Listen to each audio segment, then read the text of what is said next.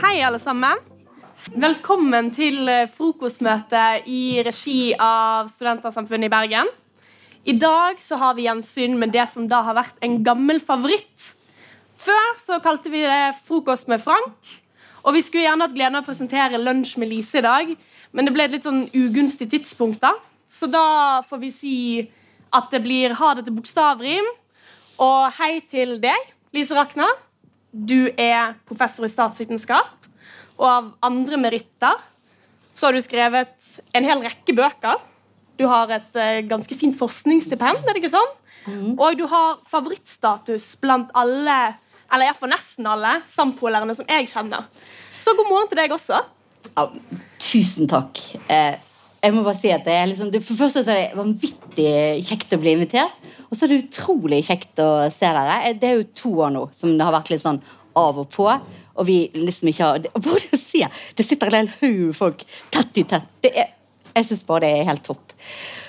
Og så må jeg si at um, jeg er veldig glad at de fleste av dere som er her, er veldig unge. Og det vil si at dere ikke husker, og kanskje ikke har vært med på frokost med Frank. Og det må jeg være litt ærlig at det er jeg litt glad for. Det var eh, Min tidligere kollega Frank Aarvold var helt ikonisk. Og han tror jeg er mitt det største Han er i hvert fall min største formidlingshelt. Så det å sitte her nå og være det, synes jeg er kjempe... Så min eneste trøst er at dere er så unge at dere husker ikke det. Nå, men, men, men, jeg vil bare si at jeg føler at eh, Kjetil, det er noen ekstremt store sko å fylle. Kjetil kjenner jeg jo, og han er, jo den av oss som kjenner Frank aller best. Så jeg tør ikke spørre deg etterpå hvordan dette har gått. Men det er utrolig kjekt at du er her. da tenker jeg at vi egentlig bare kan sette i gang. Og du nevnte jo at det var veldig hyggelig å se så mange mm. her og da tenker jeg at Det er jo helt naturlig å starte med liksom, kanskje helgens største nyhet for oss her. For klokken ti så uh, åpnet uh, regjeringen landet. Og du har jo uttalt deg litt om koronahåndtering på Twitter. og Hva tenker du uh, om Kjerkols retrett, da? OK. Det, er det noe denne her pandemien har lært oss, så det er at alt er kontekst. For jeg tror at de tingene du, de, de, dere som følger med på Twitter, de legger merke til at når jeg snakker om eh, korona, så skriver jeg på norsk. Og eh, hvis jeg hadde start, altså, Sånn som jeg tenker om korona i Norge Hvis jeg hadde tenkt om det å vært, bodd i USA, så hadde jeg vært i den andre, da hadde jeg vært en trumper. Altså Jeg hadde helt klart vært en republikaner. Men i Norge så er jeg ikke det. I Norge så vil jeg faktisk påstå at jeg er Først, Jeg tar smittevern på alvor, det vet jeg at alle, det gjør alle. Alle har gjort det. Men jeg har vært veldig bekymret lenge, nesten helt siden den første høsten, for koronatiltak. Eh, jeg, vil ikke, jeg har en kollega på juss som går lenger enn meg. Jeg skal ikke si noe mer om det. Men, men dette med betyd... Altså betydningen av å begrunne tiltak, og hvor viktig det er, det føler jeg vi har tatt litt for lett på i Norge. Og jeg er litt stresset for at vi tar Altså, Jeg føler at norske myndigheter i sin iver etter å hindre dødsfall, og som er jo kjempeviktig, har tatt litt for lett på den enorme tilliten som den norske befolkningen har vist. Og Jeg synes at vi må, jeg har vært opptatt av at tiltak skal begrunnes. Jeg har vært opptatt av ikke minst denne høsten her, at tiltakene ikke har vært godt nok begrunnet. Og jeg tenker at vi skal være forsiktige. Fordi å bruke nødrett, å bruke altså, lex korona og, og, og, og nødrettet, det er på en måte en sånn slippery slope. For det kommer til å komme mange kriser. Det kommer til å komme nye pandemier. Det kommer til å komme en eldrebølge. Det kommer til å være kriser i helsevesenet. Og hvis vi skal bruke den type kriser til å gjøre så stor inngripen i folks liv, som jeg syns koronatiltakene har vært, det, da, de, skal, de, skal, begrunnes bedre. Og det handler om, det handler om grunnleggende respekt for demokratiet og for våre grunnleggende menneskerettigheter og privatrettigheter. Så det er det jeg skal si om pandemien. Har. Og det andre jeg skal si om pandemien som har plaget meg, det er at uh, vi har hatt altfor snevert risikobegrep. Altså Det eneste risikoen vi teller på, er dødsfall. Jeg mener, Det er alvorlig. Don't get me wrong. Men jeg føler at det har vært, en, det har vært gjort enormt mange vanvittige eksperiment med folks helse i disse to årene her. Ikke minst med det, altså ungdommene sin helse. Med unge mennesker, eh, psykiske helse. Mm. Det er jeg håper ikke det, altså, jeg vet ikke om det er noen av dere, men jeg, jeg vet at jeg har mange studenter som sliter, og som har slitt. Og det er ikke alle som har vært i noens topp fem, eller liksom maks fem-gruppe. Det er ikke, det er mange som har sitt, sittet altfor mye alene. Eh, det er mange som har virkelig slitt. Og så er det mange som har fått angst, og helseangst og andre angster. Og så tror jeg det er enormt mange som har, sliter med motivasjon, og så tror de at alt handler om de. Men i virkeligheten så er det dere, Helt ærlig så syns jeg at vi har vært utsatt for et kjempestort eksperiment. Mm. Og jeg er ikke så veldig fornøyd med det. Men føler du at dynamikken kanskje mellom velgerne og politikerne og media på en måte har blitt endret eller påvirket av koronapandemien? Du ser jo at vi har blitt utsatt for et stort eksperiment, bl.a. med vår tillit.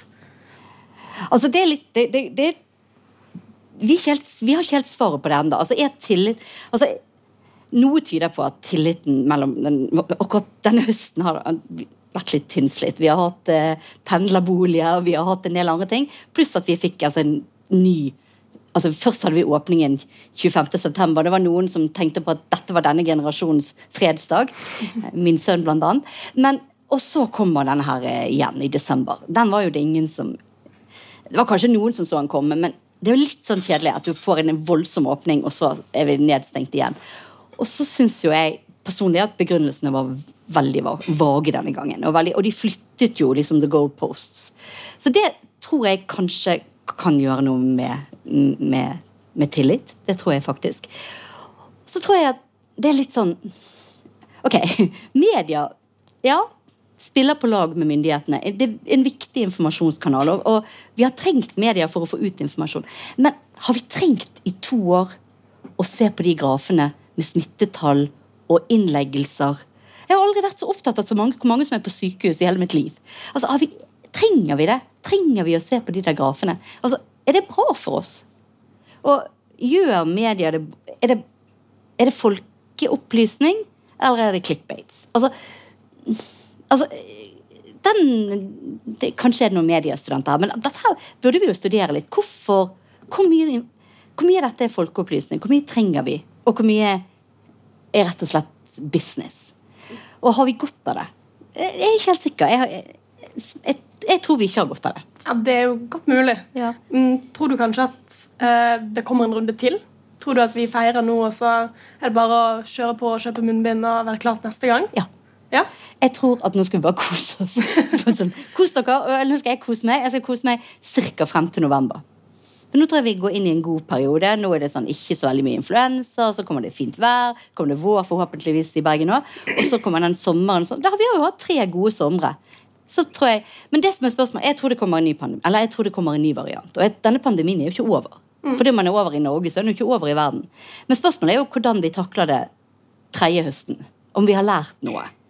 Og det tror jeg er litt viktig at vi må ha lært. For først har vi har lært av risikoen ved å stenge ned, stenge ned offentlig, eh, stenge ned eh, offentlige arenaer. Stenge ned restauranter, barer, lesesaler. ki- Altså, kostnadene med det. Kanskje, vi, kanskje har vi lært noe. Men at dette er over? Nei. Jeg tror det kommer en til. Mm. Men tror vi, altså, hva tenker du om likhetene imellom de forskjellige landene? da, håndteringen? Vi, Norge hadde jo en veldig ulik håndtering fra Sverige i begynnelsen. Og nå eh, åpnet de andre nordiske landene og nabolandene opp rett før. Ikke rett før, men litt før oss. Tror du at vi kommer til å se mer sånn et helhetlig koronahåndtering i samarbeid med våre Altså, naboland? jeg tror at hvis du, har, hvis du har litt sånn tar et litt skritt tilbake, så ser Skandinavia mye likere ut enn det gjør for oss. Men altså, pandemien har jo vært veldig gøy for alle, alle sånne statsvitere. For plutselig så blir jo liksom ulik, altså Plutselig så skjønte vi at Sverige og Finland hadde et helt annet eh, byråkratisk system og en helt annen eh, oppbygning enn Norge og Danmark. Og Plutselig så ble jo liksom Sampel 105 kjempenyttig kunnskap. Sant? Og, eh, men det, for det, vi var jo mye mer forskjellige enn vi trodde. Eh, men når vi skal se det i sånn lengre perspektiv, så tror jeg at forskjellene egentlig ikke har vært så store. Eh, altså Det er jo store med hva, eh, altså hva, hva eh, si, ekspert, altså ekspertstanden og, og, byråkratiet, hva myndigheter de har i forhold til politikere. Det er forskjell i Danmark og Norge og Sverige og Finland. Men det som er med de skandinaviske landene, som, det er jo Vi har tre virkelig viktige ting. Altså Vi har en befolkning som stoler på myndighetene, og vi har grunn til å stole på myndighetene. Og så er vi jo grunnleggende friske. Vi har jo en kjempegod folkehelse. Og det er jo en av grunnene til at det har gått så bra. Mm. Og, og, der, du, når vi skal se på dette i et liksom større perspektiv, så tror jeg vi kommer frem til at det er vel antagelig Skandinavia som har taklet eh, koronapandemien best og kommet best ut av det. Men fordi vi har Vi er grunnleggende enormt friske. Og mye frisk. Og, og hele befolkningen er veldig frisk. Altså vi, ulikhetene det handler jo selvfølgelig om at vi har et godt offentlig helsevesen. Mm. Så vi er, ja, det, det, tror jeg kommer til å være historien om dette. Ikke så mye forskjeller mellom Danmark og eller Sverige og på den ene siden og Danmark og Norge. Og Tegnell tror jeg kommer til å bli litt sånn det, det, blir ikke så viktig når vi skal skrive den store historien. Men, men det var jo litt spennende i den første høsten. Og, Absolutt. Ja. Redd bortsett fra at de var mye strengere i Sverige enn vi trodde. De var ikke sånn at de gikk på bar hele tiden og sto på Stureplan og sånn. Det, det, var mer ned, det var bare at de var frivillig nedstengt, på en måte. Mm. De, men altså, de tok Det har jo jeg opplevd. at de har jo hatt hjem, altså Alle mine svenske kollegaer har hatt hjemmekontor, og lenger enn oss. Så, ja, det er liksom, og det handler jo igjen om denne tilliten som, de, som jo har funket. Mm. Jeg tenker kanskje at vi skal gå litt videre. Ja. Vi beveger oss litt fra Og så skal jeg bare si deg, bare nyt gjenåpningen. Jeg har full tro på dette her, og jeg, jeg, har, jeg har, stappet alle munnbillene nederst i en skuff i gangen. Mm. ja.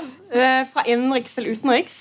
For vi har jo hatt en gjenåpningshelg, og noen som kanskje har hatt en litt mer ustabil helg, er jo da befolkningen i Ukraina. Um, vi, får, vi ser uh, nyhetsvarsler hele tiden om alt fra barnesoldater til hele familier som øver med trevåpen, til at uh, Emmanuel Macron har meklet fred, og at situasjonen er avverget. Jeg tror kanskje den sistnevnte der uh, ikke virker til å stemme helt. Um, men til deg som kanskje er litt mer oppdatert og kanskje har fått med seg litt mer, hva, hva er det egentlig som skjer nå? Hva er det som har skjedd?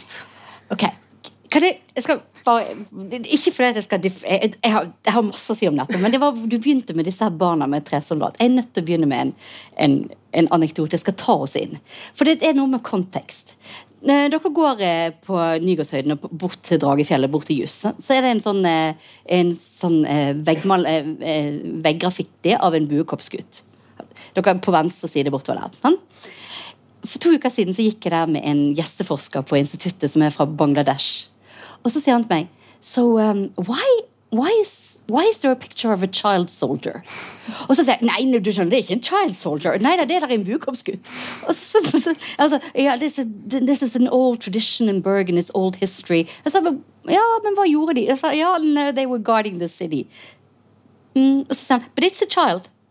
Ja. Så it, it is a child soldier.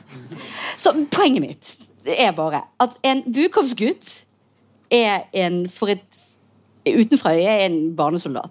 Og kanskje de der lekes What do I know? i mm. Ukraina. For jeg, sånn, det, er ikke, det er ikke sikkert at det vi ser, er det de det ser. De det var veien min inn. Men jeg syns dette var bare litt fascinerende.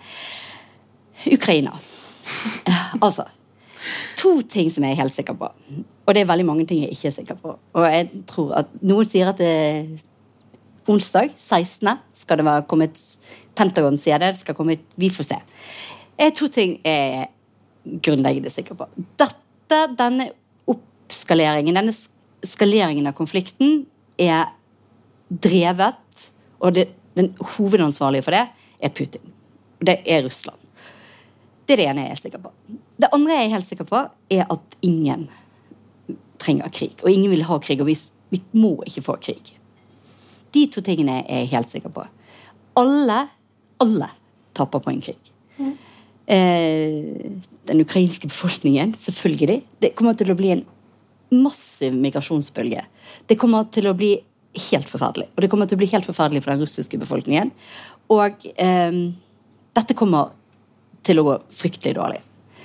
Og så håper jeg og tenker at alle involverte parter er enige om det. Og at det er liksom noen som klarer å trekke i nødbremsen. Men nå begynner jeg å bli usikker. For hvem er det? Mm. Hvem er de voksne i rommet her? Altså, hvem er Altså eh, Det er en, eh, det er en podkast som heter In Pursuit of Development. og Der er det en episode med en som heter med Jeffrey Sachs, som er eh, eh, økonom på Harvard, men han har også jobbet i Verdensbanken. Det han sier, at krisen i verden i dag, at vi, det er ingen voksne i rommet. Altså, vi, vi er altså Det som fins av global government, eller globalt eh, styringssystem, er så svakt at vi står i realiteten sånn mellom to onder. Noen ekstremt eh, eh, økende autokratiske og med mer innflytelse regimer. Kina blir mer og mer autokratisk. Russland mer og mer under Putin, mer og mer autokratisk. Og litt sånn vakle demokratiske regimer som i sin usikkerhet trikker seg inn. Vi gjør det òg. Det er strømkrisen. Er det, noe, det, er ikke så veldig mange som er for den eh, strømkabelen til Europa lenger. ikke sant? Altså, Poenget er at når vi står oppe i små kriser, og, eller små og store usikkerhet, så har de vestlige demokratiene en tendens til å se innover. Trump, brexit, det er jo de verste eksemplene, men det kommer jo til å skje noe i Frankrike nå hvert øyeblikk òg. Eh, eh, og det er liksom land som blir seg sjøl nok, og to store autokrati der ute. Det er ikke noen veldig god situasjon å være i. Nei, Og da er det jeg liksom spør Hvor er de voksne i rommet?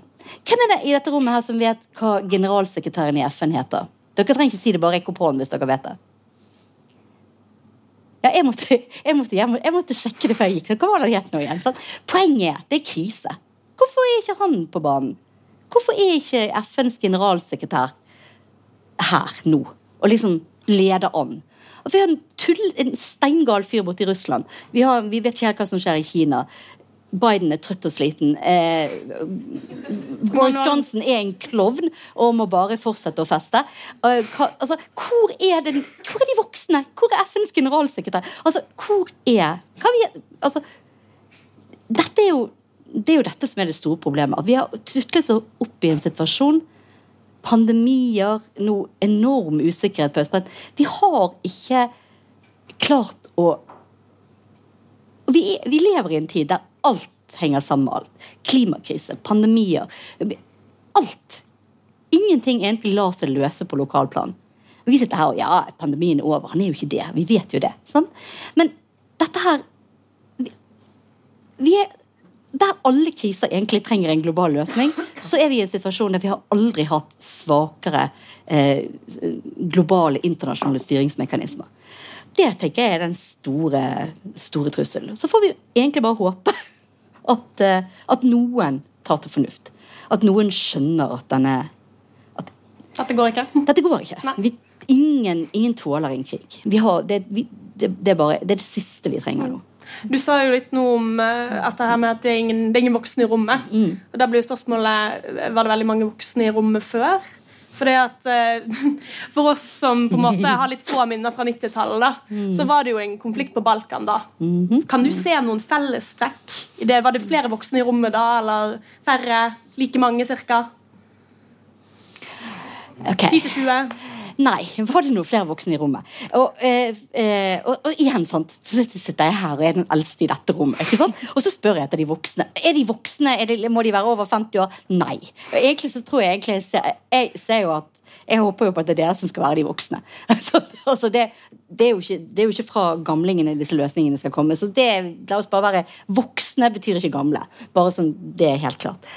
Um, det som er for... Altså, igjen. Det, her er det jo Alt henger sammen med alt. Sant? Noen Altså, de som er mest Altså De som er mest opptatt av at Vesten skal liksom stand strong, og vi må liksom ikke bekke ned i det hele tatt. Sånn. De har jo selvfølgelig 30-tallet i, fris, altså, i friskt minne. Men altså, histori- denne ideen om at historien gjentar seg. sant? Altså Som eh, Europa som hele tiden ga etter for ja, ja, vi må liksom bare liksom roe det ned, og plutselig så var så var Europa annektert. Sant? Og det, i, historieskrivingen er jo litt at vi, at de, eh, den vestlige alliansen var, altså var for eh, var liksom for ettergivende. Og at nå er det liksom Nå skal vi, vi skal stå opp, ikke sant? Balkan litt det samme, ikke sant? Altså hvor altså, Både under krigen som kom jo altfor seint inn, og i den perioden etterpå viser jo også at eh, de globale styringsmekanismene er, var for svake og er for svake. Hva er det som er forskjellen? Jo, altså, Forskjellen er at 1990 var en slags sånn Det er jo det som er unntakstilstanden. Fordi eh, altså, Sovjetunionen falt, var enormt svakt, og vi gikk inn i det som ble kalt en unipolar verden, der liksom USA var den eneste stormakten. Og den berømte setningen fra Francis Fukuyama 'This is the end of history'. Sant? Ja, han har skrevet bedre bøker etterpå. Men, men eh, dette var jo en periode, og det som er litt interessant Uten at jeg skal påberope meg å være inni hodet til Joe Biden, så har jeg en sånn følelse at han tror at vi er litt i 1990 ennå. Det er kanskje ikke så dumt. Men, men han har jo en idé om at USA er en stormakt, og den stormakten. Mm. For det første er USA en langt mindre stormakt enn de var i 1990. Og for det andre er det kommet andre stormakter som er mye sterkere og mye større. Og Europa Vi er jo ikke enige med oss sjøl i det hele tatt. Nei. Og hvem er det som er sjefen i Europa, da? Hvor er Angela Merkel, liksom? sant? Er liksom- Ja, Kan er- komme tilbake igjen fra pensjon? eh, ja, ja. Nei, men altså, ja, hvem er liksom Hvem er liksom Den lederen? Ja, hvem er liksom lederskikkelsen i Europa? Og er, Skulle vi hatt en lederskikkelse, eller, eller er det egentlig fint at vi ikke har det? Mm. Vanskelig. Så de globale styringsmaktene fungerte ikke da, og eh, de fungerer heller ikke sånn veldig godt nå heller. Nei, er det godt. Men det jeg vil ha, jeg vil ha globalt sosialdemokrati. Ja. Det er det jeg vil ha. Altså jeg vil at vi skal ha et sosialdemokrati som gjelder verden. Og som ikke, ikke et styringssystem som der liksom stater står og kjemper mot hverandre. For alle taper på det. Så folkens, globalt sosialdemokrati. Det er liksom det er det partiet jeg skal stemme på. Ja. Altså, en mann som eh, jo kanskje har vært litt på banen, går vi litt videre, eh, når det kommer til Ukraina, eh, det er jo vår neste sentralbanksjef, Jens Stoltenberg. der kom det. Eh, for jeg tenker, Det kan godt hende at vi begynner å bli litt lei denne nyheten nå, eh, men vi må nesten innom Mm. allikevel. Mm. Fordi at jeg tror eh, det var mange som satt igjen etter hele den prosessen med litt samme tankegang som med liksom, sånne store storpolitiske spill som man ikke forstår. Som var Skulle dette skje nå? Var det dette som var resultatet av hele prosessen? Eh, hva, eh, hvordan skjer det at så upolitiske stillinger går til tidligere toppolitikere? Og er han egentlig norsk toppolitiker fortsatt, eller er han egentlig bare en sånn flink byråkrat nå? Altså, for det første så denne ideen Altså at eh, Jeg syns at dette var et dårlig valg. La meg bare si det. Jeg synes at det var et dårlig valg. Grunnen til at jeg synes at det var et dårlig valg, det var fordi at det var en veldig, veldig kvalifisert kandidat som ikke bare hadde jobbet med dette i liksom hele perioden. Hun har, hun er jo så altså hun har skrevet en doktorgrad på temaet. Ok, Tenk dere Det er liksom Ja, det er, mm, det er et institutt på, på UiB. Og så er det sånn det er en stilling. Og så er det en person som liksom eh, Kanskje en halvstudert røver. En som tok liksom et hovedfag langt tilbake i tid, og så har vært ute og gjort en masse greier. Og så søker du en eh, førsteamanuensis eller professorstilling. Og så er det liksom en person med, liksom sånn, eh, med doktorgrad og 20-30 publikasjoner og masse undervisning. Og så får denne her liksom halvstuderte røveren jobben, for det, han er en Kanskje at han er en mann, men i alle fall så er han buddy med rektor. Det er liksom Margaret Hagens beste venn. Det, det jo ikke, ser jo ikke bra ut. Altså, sånn, altså Hvis du flytter det fra liksom Stortinget og Sognsvann, eh, middag hos eh, sønnen til Gro Harlem og, altså, Hvis du flytter det derfra og liksom til og tenker deg at Margaret Hagen hadde gått med kompisen sin rundt Tveitavannet, og så plutselig var personen din professor Altså, Det ser jo ikke bra ut. Nei, det gjør sånn, det ikke. Det er det ene. Og så er det jo den her, eh, som dere sikkert husker fra NRK, den her eh, CV-diskusjonen. sant? Han la- la- la- lange Stoltenberg-CV-en, og så liksom, ja, visesentralbanksjef, og så var det sånn forskningsassistent. Det var liksom, alt det hun hadde gjort imellom, det var bare helt borte. Det er umulig å ikke se kjønn inn i dette. Mm. Er det et problem? Ja. altså for Dette, dette syns jeg er et problem. Men jeg, jeg, har, jeg har mange problemer med dette. Jeg har problemer i forhold til hvordan du vurderer kvalifikasjoner. Jeg har problemer i forhold til sånn, liksom sånn litt for tette bånd. Og jeg har problemer i forhold til liksom, kjønnsaspektet. Eh, men det, gode nyheten er at det blir, jo, det blir jo bra, for hun skal jo fortsette i jobben. Ja, Så hun skal jo gjøre jobben. Så det er jo fint. Jeg håper bare at hun får høyere lønn. For hun skal jo være der, og så skal han ut og skinne eller kommunisere. Og her er jo argumentet. De endret jo liksom jobbeskrivelsen i høst når det ble klart at han var ledig på markedet. Og det, dette betydningen av internasjonal erfaring og ha håndtert konflikter og alt mulig sånn. Her, er her kan vi jo være veldig uenige. Det er klart at her har en jo Det har hun jo gjort. det har hun jo gjort. Men altså eh, Vi har jo en Ukraina-krise. Hvor bra har Nato gjort dette? da? Altså, er det en kjempegod CV? Jeg vet altså, ja. Men poenget er litt sånn men, men det som er spørsmålet, er om denne ideen om at han har denne internasjonale rollen, at det er så bra. For det kan jo også være helt motsatt. Det kan jo faktisk være at det eskalerer konflikter, fordi at det blir politisert. Så det, det argumentet der om at det er så veldig bra, det kan du jo snu andre veien.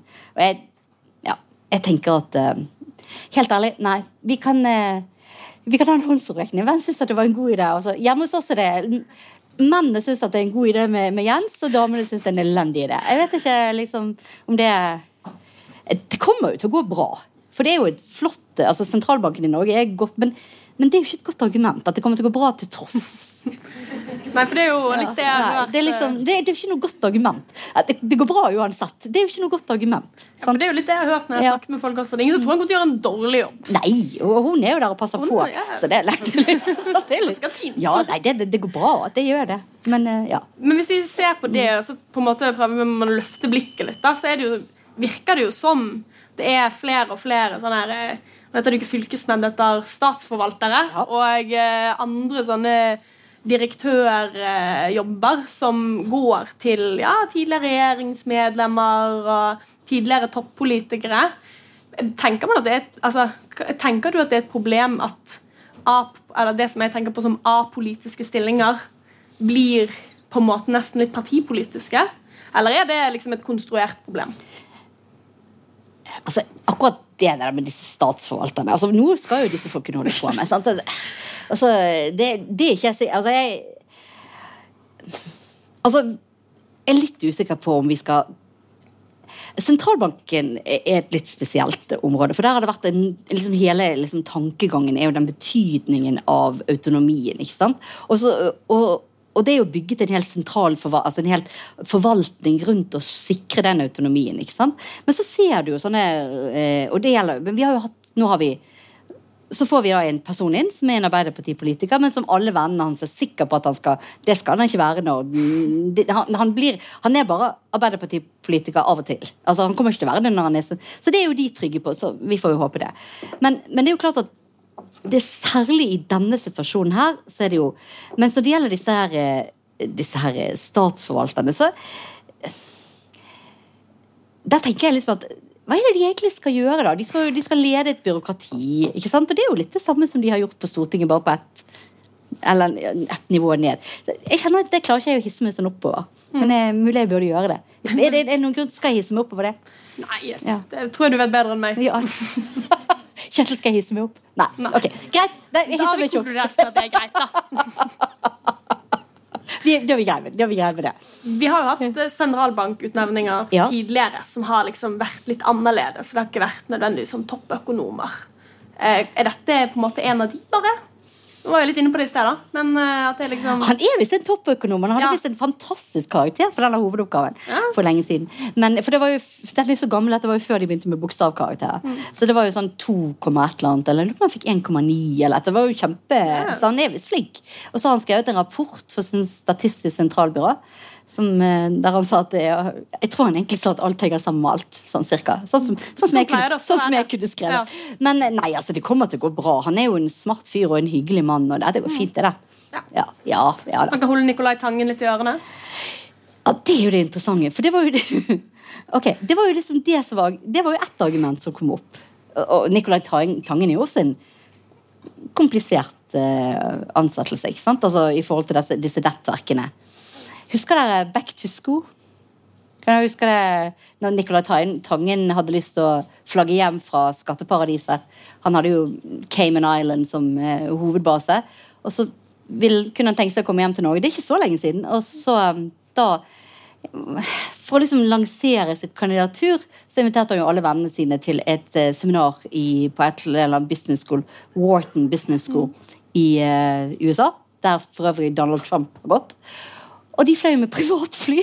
Og så, og, og så hadde de back to, det var også det back to school-seminar. Og til og med Sting opptrådte, har jeg hørt. Og da er liksom en av våre største etikere, eller liksom filosofer, eh, Syse, som liksom skal snakke om Til og med han, han hadde jo, han sleit jo. Det var jo alle hans Han var der sjøl òg, faktisk. Men altså, poenget er at du skal liksom etterrasjonalisere det. Ok. Kjetil, Mike Alvarez, whatever, mine gode gamle venner, Cornelius Cappell, de eh, vinner i Lotto. Og så inviterer man på privatfly, og vi reiser sånn back to school. Kan hende at jeg hadde blitt med i begeistringen. Men jeg har en følelse at det var det som skjedde. Det var ingen, alle glemte på en måte Alle, alle, alle bare svarte ja. Og med liksom i Ingen så liksom Er dette lurt? Skal jeg gjøre dette? Det hørtes jo veldig gøy ut, da. Ja, men liksom, er det, tar det seg godt ut? Og når han her karen, hvis jeg har lyst til å støtte han til å bli liksom, sjef for oljefondet, er dette smart? Det var ingen som tenkte sånn. Hva skjer når ingen liksom på en måte liksom, når ingen, altså når liksom ingen på en måte tenker to tanker, du bare agerer på den første. Ja, ja. Hvor er de voksne? ja hvor var moren? Mm. Eller ja. Ja. Nei, det, der, det var også veldig, veldig spesielt. Mm. Og det er litt Norge er et lite land. Og Eva Jolie har jo sagt noe enormt fornuftig. Hun har sagt problemet med Norge det er at vi ikke Korrupsjonsbegrepet i Norge inkluderer ikke habilitet. Altså så Inhabilitet det oppfatter ikke vi nordmenn som, som korrupsjon. Men hun sier det er den vanligste formen for korrupsjon. Det er bare at dere i Norge så kaller ikke dere det korrupsjon. Men i virkeligheten er dette korrupsjon. Altså, hvis vi hadde hatt habilitet som et, grunn, som et begrep, så hadde dette vært korrupsjon. Men sånn tenker vi ikke i Norge. For det vi stoler så enormt på hverandre. Og så liker vi de der. Og så tenker vi ja, ja, men så, klart at Jens og Jonas og alle de, de er venner, men det er bare på fritiden. På jobb så klarer de å skille helt. Er det sånn det funker? Det er det jeg lurer på. Jeg tror jo ikke det. Men kanskje må det være sånn i et så lite land. Mm. Eller kanskje må det ikke være det. Ehm, ja, Ja. det er viktig at vi har universitet i flere byer enn Oslo, i hvert fall. La oss være enige om det. det Der har vi det. Ja. Um, jeg tror vi skal ta vårt siste tema. Ah. Så rekker vi litt spørsmål på slutten også. jeg følte jeg greide meg ganske godt gjennom Ukraina. Ja, ja, det, altså, vi, eh, vi kom oss godt gjennom det. Um, men vi Det hadde, var det jeg grudde meg mest på.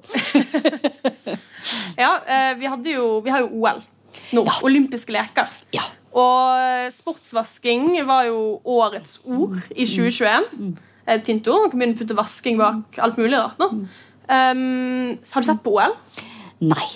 Nå skal jeg si noe som er Det er jo ikke noe, det er ikke noe problem for dere å skjønne. Altså, look at my age and all that. I 1972 da var det OL i Sapporo. Da var jeg barn. Og da var det også sånn helt feil tid. Og da husker jeg at jeg sto opp klokken fem om morgenen med min far og så på OL. Og Erik Håker som kjørte ut i andre omgang av slalåm. Egentlig så både min far og meg gråt. Det var, jeg så, hadde, det var veldig, jeg, jeg- husker det fremdeles. Men altså, da var OL en big deal. Kom igjen, sant? Sto opp klokken fem. Det var NRK, det var ikke noe tull, det var ikke noe reklame. Det var bare én kanal. Det var bare å trykke på knappen. Du trengte ikke sånn her fjernkontroll. Alt mulig greier, To fjernkontroller og whatever. Det var bare å skru på, så var det. Og alle så på OL, og alle snakket om OL. Og det eneste vi snakket om, han er Erik Håker, han snakket vi om omtrent til neste OL. Mm. Hva skjer nå? Altså, Discovery pluss Og så Har dere sett når de der Så kjører de reklamer midt i skiskytterstafetten. Mm. Bare klikke. Burde ikke være lov. Ja, og så, så, så får du sånn et dobbeltbilde, så har du en eller annen teit noe sånne der eh, eh, ja, sovemidler eller noe vitaminpiller. Og så der går liksom de der eh, Stryn-brødrene som de ljomer i skogene. Og så må vi se på reklame. Det går ikke an. Nei. Det går ikke an. Så det er det ene. Tristeste OL ever. Mm. Bare være enige. Så du har boikottet pga. Discovery Plus? Nei, for meg. Altså, det, var jo ikke noe, altså, det er jo så lett for meg å boikotte, jeg gidder jo ikke stå opp midt på natten. Men hør her, kom igjen. Det vi ser nå, det er det kjipeste OL i historien. Det er, er fra et sånn økoperspektiv krise. Det, Kina, er, Kina hadde OL i 2008. Da var liksom ideen at de skulle åpne seg for verden. Vi skulle få se et liksom mer åpent Kina. Det Kina som vi ser i 2022, er et mye mer lukket, ekstremt mye mer autokratisk Kina. Og de viser et helt annet ansikt. Mm.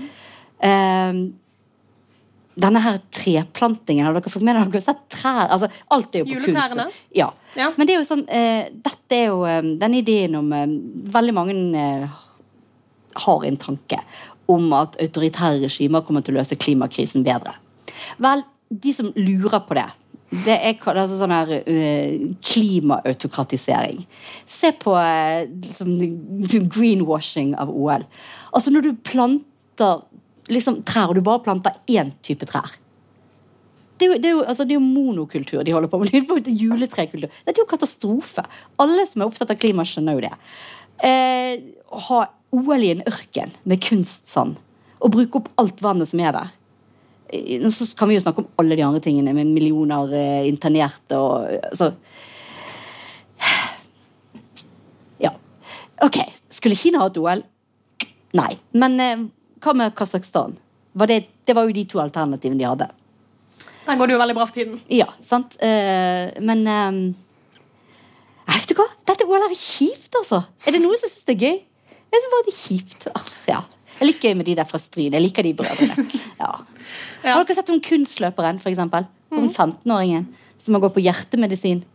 Mm, ja, 15-åring, hjertemedisin, Ja. Ja. eh, doping. Ja. Ja. Russland er jo fortsatt med Ja. i OL. Ja. Um, burde, det har jo vært annet en eh, langrennskommentator fra NRK Mm. som har vært ute og uttalt at de aldri skulle fått lov til å være med. Mm. Mm. Tenker du at de Burde de vært utestengt lengre? Er dette storpolitisk spill? Denne, dette er kjipt. Altså, det er jo klart at den eh, Sotsji eh, i 2014 Det er jo klart at den straffen var jo den, Det var jo bare latterlig. Det, jo, altså, det var jo storstilt statlig eh, doping satt i system. Så tenker vi Therese Johaug og leppekremen, hallo! Hvordan, sant? Og, men altså, plutselig på toppen av Guardian så er det First eh, gold medal goes to a Norwegian doper. Altså, jeg var sånn What?! Det er jo Therese Johaug! Det var jo bare Hun hadde jo munnsår. Altså, ja, men skjønner du? For, det er jo, for oss er jo vi Altså vår kontekst er jo det, sant?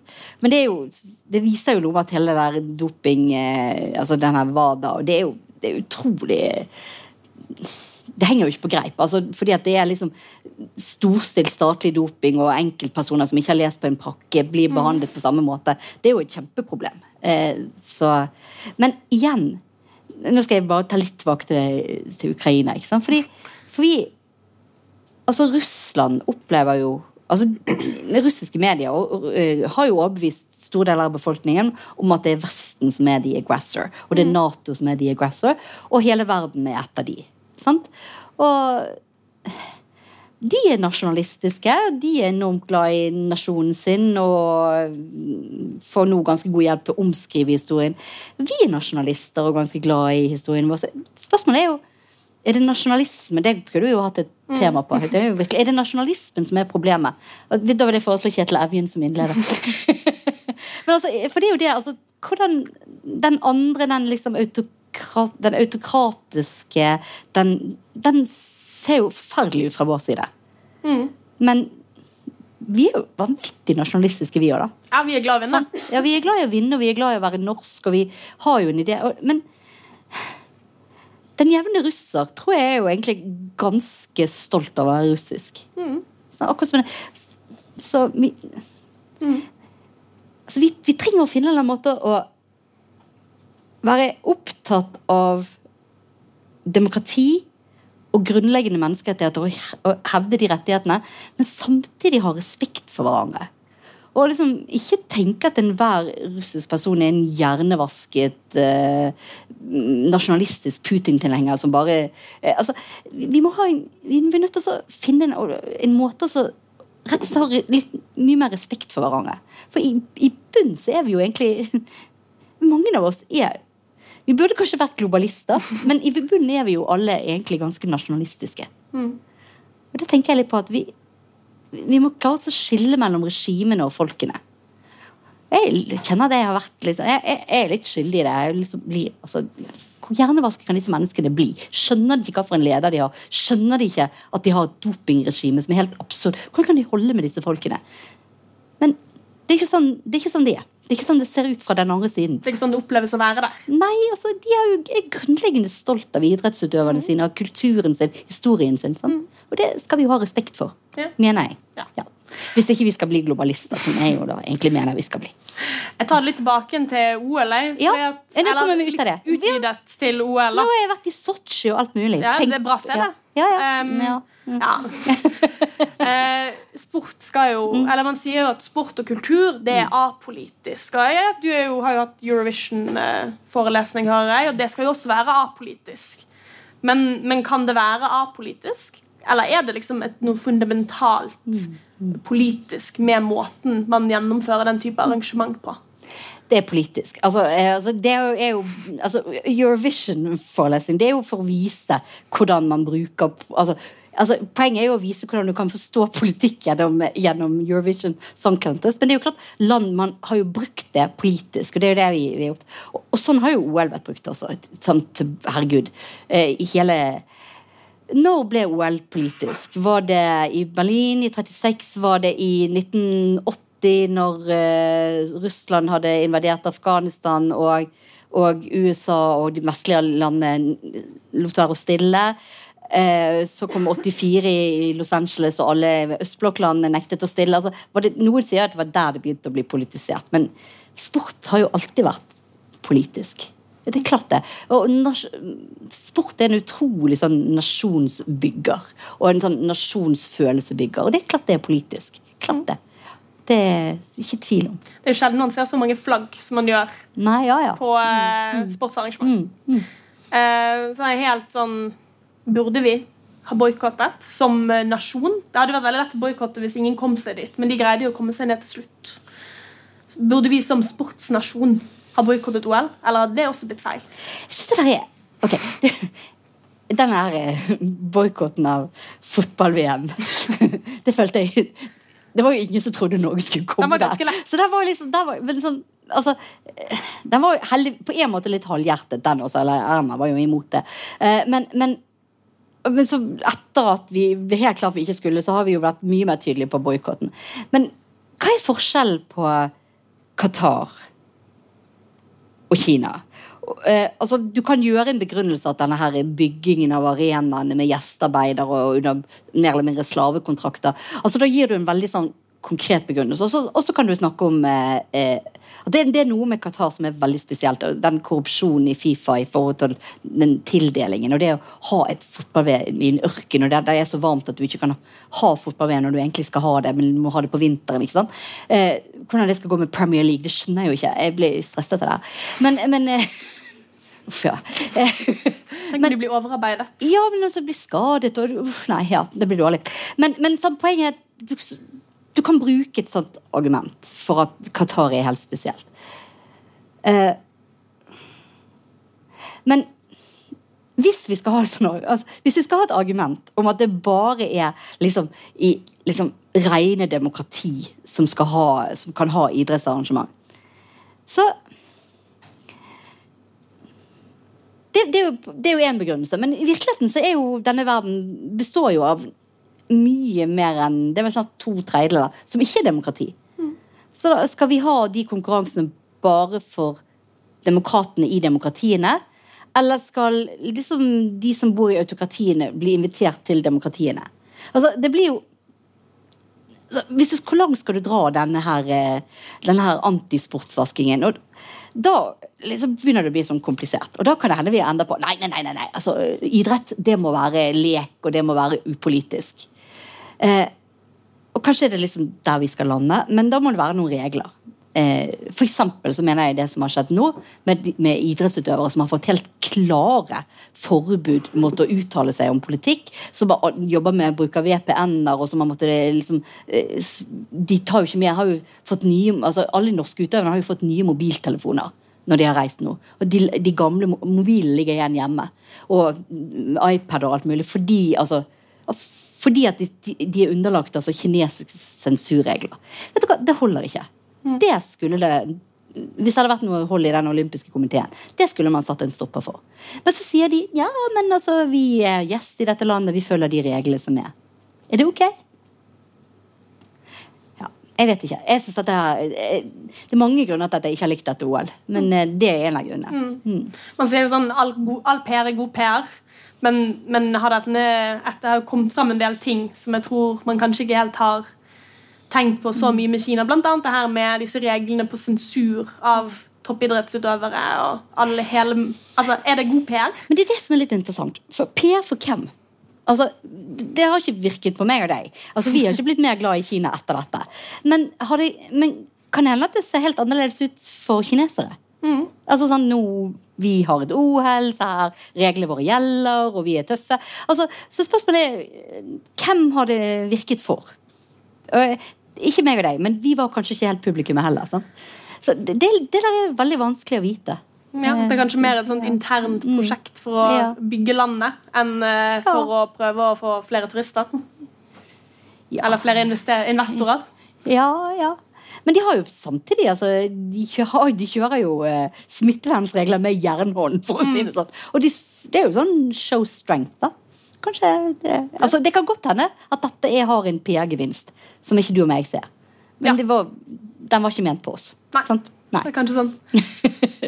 Yes, Da avslutter vi der, da. Alle får gå inn og følge Lise på Twitter. Ja, det var, det var grunnleggende det var det, det, var, det var det hun sa. In so many words. Vær så god, yes! en liten paraply. Åh, det, er, oh, det er de beste paraplyene. Tusen takk. Jeg sier det. Det er grunn til å snakke i Studentersamfunnet, det å få en sånn paraply. De er kjempegode. Tusen takk. Takk for meg. Takk for at dere kom.